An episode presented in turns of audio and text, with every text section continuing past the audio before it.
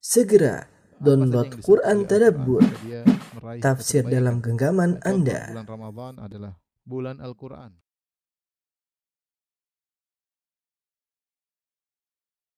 Alhamdulillah nahmaduhu wa nasta'inuhu wa nastahdihi wa natubu ilaihi wa na'udzu billahi min syururi anfusina wa min sayyiati a'malina may yahdihillahu fala mudilla lahu wa may yudlil fala hadiyalah asyhadu an la ilaha illallah wahdahu la syarikalah وأشهد أن محمدا عبده ورسوله لا نبي بعده.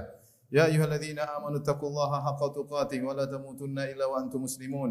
فإن أصدق الحديث كتاب الله وخير الهدى هدى محمد صلى الله عليه وسلم وشر الأمور محدثاتها وكل محدثة بدعة وكل بدعة ضلالة وكل ضلالة في النار. معاشر المسلمين أوصيكم ونفسي بتقوى الله فقد فاز المتقون.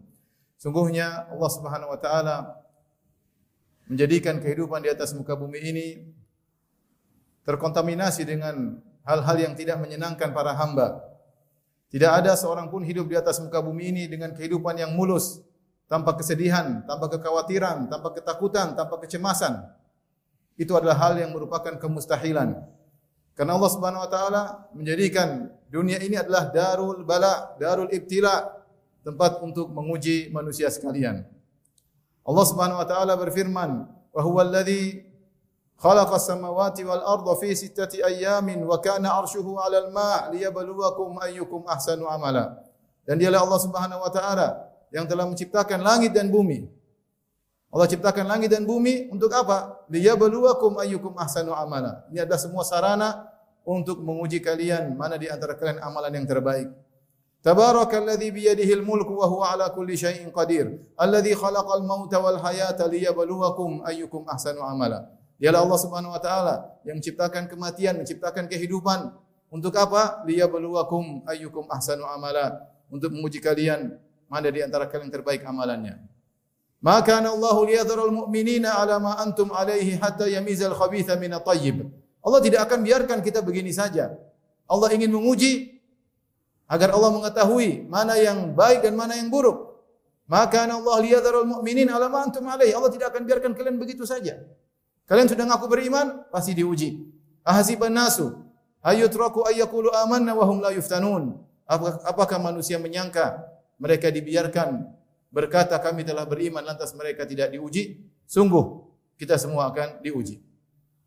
Oleh karenanya setiap kita pasti pernah diuji, bahkan ada yang sedang diuji dan setiap kita akan menuju kepada ujian, perkara yang menyedihkan, perkara yang menakutkan, yang mengkhawatirkan, semua mengalaminya. Siapa yang ingin hidup tanpa ada itu semua, maka dia hanya mengharapkan kemustahilan. Dia hanya sedang bermimpi dan itu tidak akan mungkin terjadi. Ma'asyiral muslimin yang dirahmati oleh Allah Subhanahu wa taala. Allah telah menegaskan hal ini dalam firman-Nya, "Laqad khalaqnal insana fi kabad." Sungguh kami telah menciptakan manusia dalam kepayahan, yukabidul hayat, menghadapi kesulitan hidup. Tidak ada yang selalu tertawa, tidak ada yang selalu tersenyum, tidak ada. Siapa pun orangnya. Buat apa ini semua? Di antara hikmahnya agar kita sadar bahwasanya dunia ini akan kita tinggalkan. Kita merindukan suatu kesempurnaan. Kita merindukan suatu kehidupan yang tiada tangisan dalam kehidupan tersebut. Kita rindukan suatu negeri yang tidak ada kekhawatiran dalam kehidupan tersebut. Darussalam. Negeri yang penuh keselamatan. Itulah surga akhirat. Kata Allah Subhanahu wa taala, Udkhulul jannata la khaufun 'alaikum wa la antum tahzanun. Masuklah kalian ke dalam surga tanpa ada kekhawatiran, tanpa ada kesedihan sama sekali. Karenanya ketika penghuni surga begitu masuk di surga, apa yang mereka berkata? Apa yang mereka katakan? Alhamdulillahilladzi adhaba 'annal hazan. Inna rabbana laghafurun syakur.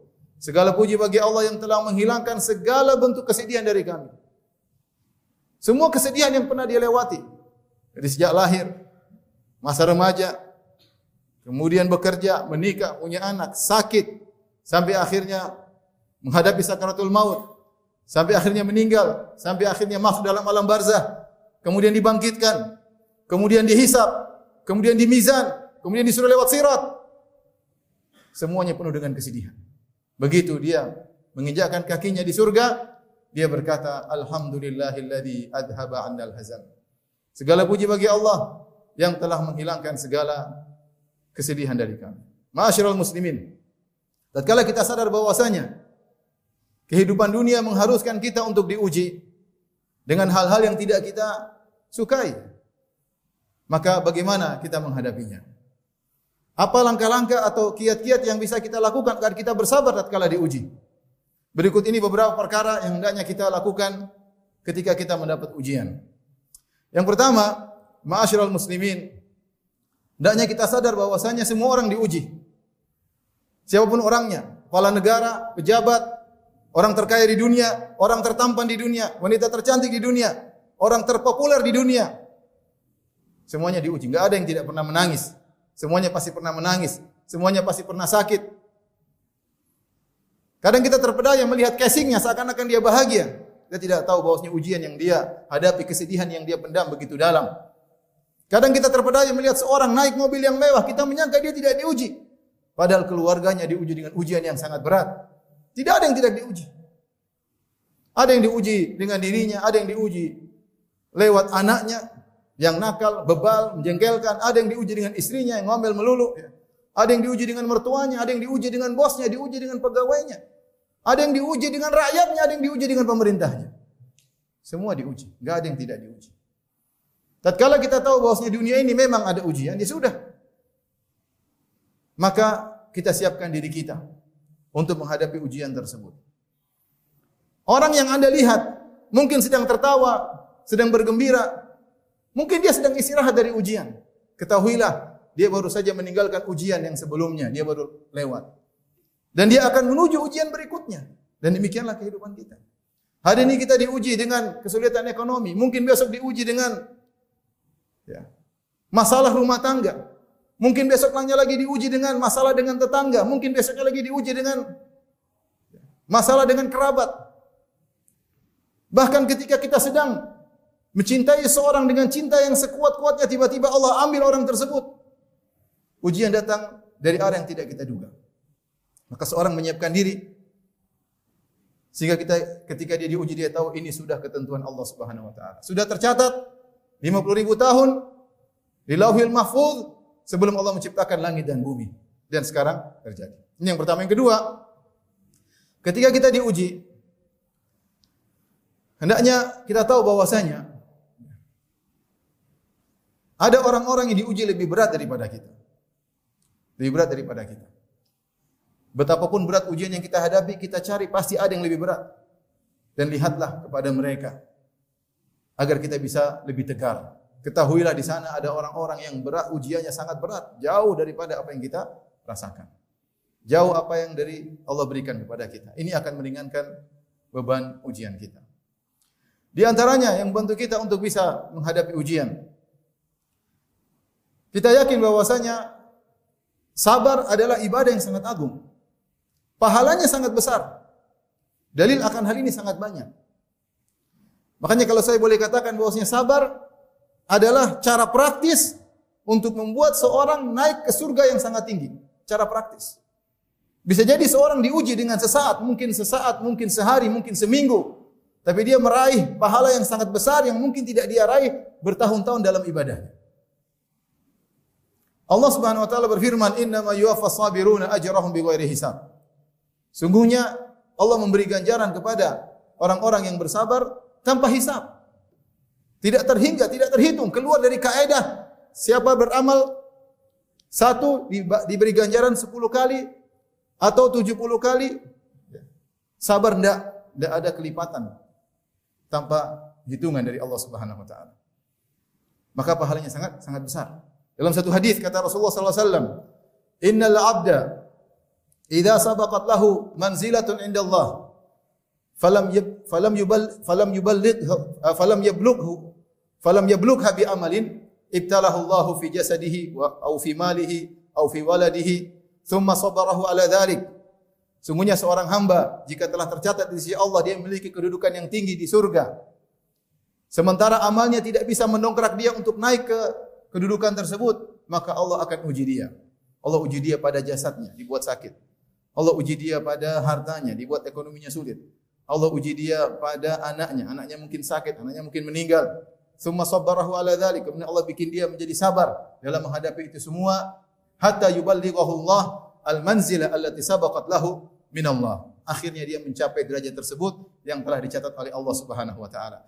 Ini dalil bahwasanya sabar itu pahalanya sangat besar. Langkah praktis untuk mencapai surga yang tinggi. Yang mungkin seorang sholat malam selama setahun belum tentu sampai pada derajat tersebut. Yang mungkin orang bersedekah dengan sedekah yang banyak belum tentu sampai pada derajat tersebut. Allah kasih ujian. Anda bersabar, langsung grade cepat naik. Makanya orang-orang yang termulia, Allah uji mereka. Karena Allah suka mereka melakukan ibadah sabar. Asyadun nasi bala'an al-anbiya. Orang yang paling berat ujiannya adalah para nabi. Thumma salihun kemudian orang-orang saleh. Thumma al-amsal fal amsal kemudian selanjutnya dan selanjutnya. Yubtala rajulu ala qadri imani. Sungguhnya seorang diuji berdasarkan kadar keimanannya. Makanya kalau kita baca sejarah Nabi sallallahu alaihi wasallam, dia adalah orang yang paling dicintai oleh Allah Subhanahu wa taala, dia yang paling banyak bersabar. Karena itulah ibadah yang teragung yang dilakukan oleh Nabi sallallahu alaihi wasallam. Lihat sejak kecil sudah yatim. Kemudian remaja mengembalakan Kambing hidup dalam kemiskinan, bantu pamannya. Kemudian ketika diangkat menjadi seorang nabi, dimusuhi oleh keluarganya, dimusuhi oleh pamannya Abu Lahab. Dimaki-maki oleh kerabatnya. Diusir dari kaumnya. Dijuluki dengan julukan yang bermacam-macam. Dilempari sampai berdarah. Hendak dibunuh oleh banyak orang. Dibuat sayembara siapa yang bisa bunuh Muhammad dapat 100 ekor onta. Orang-orang berlomba ingin membunuhnya. Sallallahu alaihi wasallam. Anaknya tujuh, enam orang meninggal dalam kehidupannya. Melakukan peperangan yang sangat banyak, ingin dibunuh, digempur oleh Persia, Romawi, Yahudi, munafikin. Banyak sekali ujian yang dihadapi oleh Nabi sallallahu alaihi wasallam.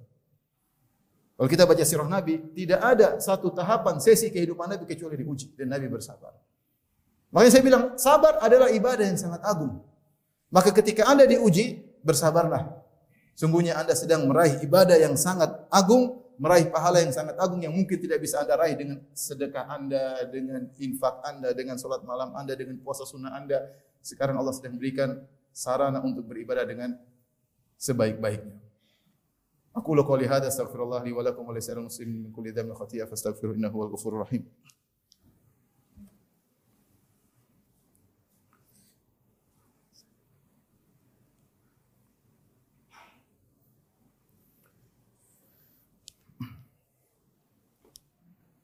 الحمد لله على إحسانه وشكر له على توفيقه وامتنانه أشهد أن لا إله إلا الله وحده لا شريك له تعظيما لشأنه وأشهد أن محمدا عبده ورسوله الداعي إلى رضوانه Allahumma salli alaihi wa ala alihi wa ashabihi wa ikhwani. Masyarul muslimin, di antara hal yang bantu kita untuk bisa bersabar, ya. ketahuilah bahwasanya ya, ketika Anda sedang bersabar, hadirkanlah dalam hati Anda bahwasanya sabar itu itulah tawa di surga nanti. Itulah kenikmatan di surga. Kenikmatan di surga. Anda sekarang bersabar, sakit hati, pedih, Marah Anda tahan. Ya. Sedih memberontak Anda tahan. Ingin rasanya berteriak Anda tahan. Itulah semua kebahagiaan. Nanti berubah jadi kebahagiaan. Tapi kalau Anda marah, tidak jadi kebahagiaan di akhirat. Kalau saya boleh katakan, kesabaran Anda itulah bidadari di surga. Dalam satu hadis kata Nabi wasallam, ya. Man kadhaba ghaidan wa huwa yaqdiru ala an yubal an yunafidhahu da'ahu Allah qiyamah hatta yukhayyirahu min ayil huri sya'a. Barang siapa yang meredam amarahnya, dia bersabar. Harusnya dia bisa lampiaskan amarahnya, dia bersabar. Padahal dia mampu untuk melampiaskannya, maka Allah akan panggil dia da'ahullahu yaumal qiyamah ala ru'usil khalaik. Allah panggil dia di hadapan manusia yang banyak sampai Allah suruh dia pilih bidadari mana yang dia sukai. Sakit memang kalau kita sedang dizalimi. Sakit kalau kita kehilangan orang yang kita cintai. Sakit ketika kita dihina, dikatakan yang tidak-tidak. Sakit ketika kita direndahkan, tapi sabar. Ini semua akan jadi kenikmatan. Sabar. Ini semua akan menjadi bidadari yang akan menemani kita di akhirat. Ini semua akan menjadi amal soleh yang menemani kita dalam alam barzah. Sabar. Jangan kita emosi. Jangan kita lampiaskan kemarahan kita. Sabar. Di antara hal yang bisa membantu kita untuk bersabar bahwasanya siapa yang bersabar Allah akan beri solusi kepada dia dengan cara Allah Subhanahu wa taala. Dengan cara Allah Subhanahu wa taala. Ya, sebagaimana disebutkan oleh Al-Alusi dalam tafsirnya ketika menafsirkan firman Allah Subhanahu wa taala, ya. Wa awrasna al-qauma alladziina kanu yastata'funa masyariqal ardi wa magharibaha allati barakna fiha. Wa tammat kalimatu rabbikal husna ala bani Israila bima sabaru. Kata Allah Subhanahu wa taala, "Wa tammat kalimatu rabbikal husna ala bani Israila bima sabaru." Maka telah sempurnalah janji Allah Subhanahu wa taala terhadap Bani Israel yaitu Allah selamatkan mereka dari cengkeraman Firaun yang sebelumnya mereka diperbudak, dibunuh, disiksa. Allah selamatkan mereka. Kenapa? Kata Allah bima sabaru. Karena mereka bersabar. Sehingga Al-Alusi rahimahullah menyatakan yang maknanya siapa yang bersabar Allah akan berikan dia solusi dengan cara Allah Subhanahu wa taala. Tapi kalau Anda tidak bersabar, cari jalan sendiri. Dan ini praktekkan dalam kehidupan kita sehari-hari. Kita diuji dengan ujian yang banyak. Ya, diuji mungkin dengan anak kita, diuji dengan istri kita, diuji dengan suami kita, diuji dengan bos kita. Hadapi dengan sabar sesuai dengan syariat. Allah akan kasih solusi dengan cara Allah Subhanahu wa taala. Tapi kalau Anda misalnya bermasalah dengan keluarga, terus Anda mulai emosi, tidak ada solusi. Kalaupun ada solusi tidak seindah yang Allah kasih. Kalau Allah yang kasih solusi, maka tentu solusi yang terindah. Maka sabar akan mendatangkan solusi dari Allah Subhanahu wa taala. Ibnu Taimiyah rahimahullah taala pernah menyampaikan satu nasihat. Ya. Ketika ada orang mendolimi Anda, ada dua pilihan. Jangan Anda dituduh tidak-tidak, Anda di dikatakan yang tidak-tidak, dizolimi. Ada cara pertama Anda hadapi semua itu. Hadapi, Anda bantah, Anda tulis. Anda ikut balik balas menuduh maka berarti Anda telah menyerahkan urusan pada diri Anda sendiri. Tapi kalau Anda kemudian bersimpu di hadapan Allah, sujud di hadapan Allah, mengadakan tangan minta kepada Allah, kemudian Anda cuekin, yang ngurusin siapa? Allah Subhanahu wa taala. Ini butuh keimanan. Butuh keimanan. Maka setiap masalah yang kita hadapi, hadapi sesuai dengan syariat. Agar kita sabar dan Allah yang akan menangani permasalahan kita cepat atau lambat kita akan melihat hasilnya. Masyarul muslimin yang rahmati Allah Subhanahu wa taala. Yang terakhir yang saya sampaikan pada kesempatan kali ini agar kita bersabar, Allah mengatakan inna ma'al usri yusra. Sungguhnya bersama kesulitan ada kemudahan. Inna ma'al usri yusra. Sungguhnya bersama kesulitan ada kemudahan. Setiap kita menghadapi kesulitan, tengoklah kondisi kita, pasti ada kemudahan bersama dengan kesulitan tersebut. Sebagai contoh misalnya seorang dia mungkin naik mobil bersama keluarganya, tahu-tahu terjadi kecelakaan. Ya mungkin mungkin mobilnya rusak, tapi dia lihat dirinya masih selamat, alhamdulillah ada kemudahan. Anaknya masih selamat, istrinya masih selamat ya. Atau mungkin terkena musibah di keluarganya ternyata ada yang meninggal. Ada kemudian di sekitarnya alhamdulillah mungkin anaknya saja yang meninggal, istrinya tidak. Mungkin orang tuanya saja yang meninggal sementara anak istrinya tidak. Lihat pada sisi-sisi yang lain. Kenikmatan yang Allah berikan kepada kita di tengah-tengah musibah tersebut. Itu adalah kemudahan yang Allah berikan kepada kita. Dan itu langkah awal untuk kita bisa menghadapi musibah yang Allah sedang berikan kepada kepada kita. Dan jangan lupa ketika kita ditimpa musibah langsung kita ucapkan inna lillahi wa inna ilaihi raji'un. Ya Allah kita ini milik Allah dan kepada Allah kita akan kembali. Alhamdulillahi ala kulli hal. Segala puji bagi Allah atas segala keputusannya, atas segala kondisinya. Inna Allah malaikatahu yusalluna ala nabi ya ayyuhalladzina amanu sallu alaihi wa sallimu taslima. Allahumma salli ala Muhammad wa ala ali Muhammad kama sallaita ala Ibrahim wa ala ali Ibrahim innaka Hamidum Majid wa barik ala Muhammad wa ala ali Muhammad kama barakta ala Ibrahim wa ala ali Ibrahim innaka Hamidum Majid. Allahumma ighfir lil muslimina wal muslimat wal mu'minina wal mu'minat al ahya'i minhum wal amwat innaka samiun qaribun mujibu da'wat wa ya qadhiyal hajat. Allahumma ati nufusana taqwaha wa zakkiha anta khairu man zakkaha anta waliyyu maulaha. اللهم إنا نسألك الهدى والتقى والأفاف والغنى. ربنا ظلمنا أنفسنا وإن لم تغفر لنا وترحمنا لنكونن من الخاسرين. ربنا آتنا في الدنيا حسنة في الآخرة حسنة وقنا عذاب النار. وأقيموا الصلاة.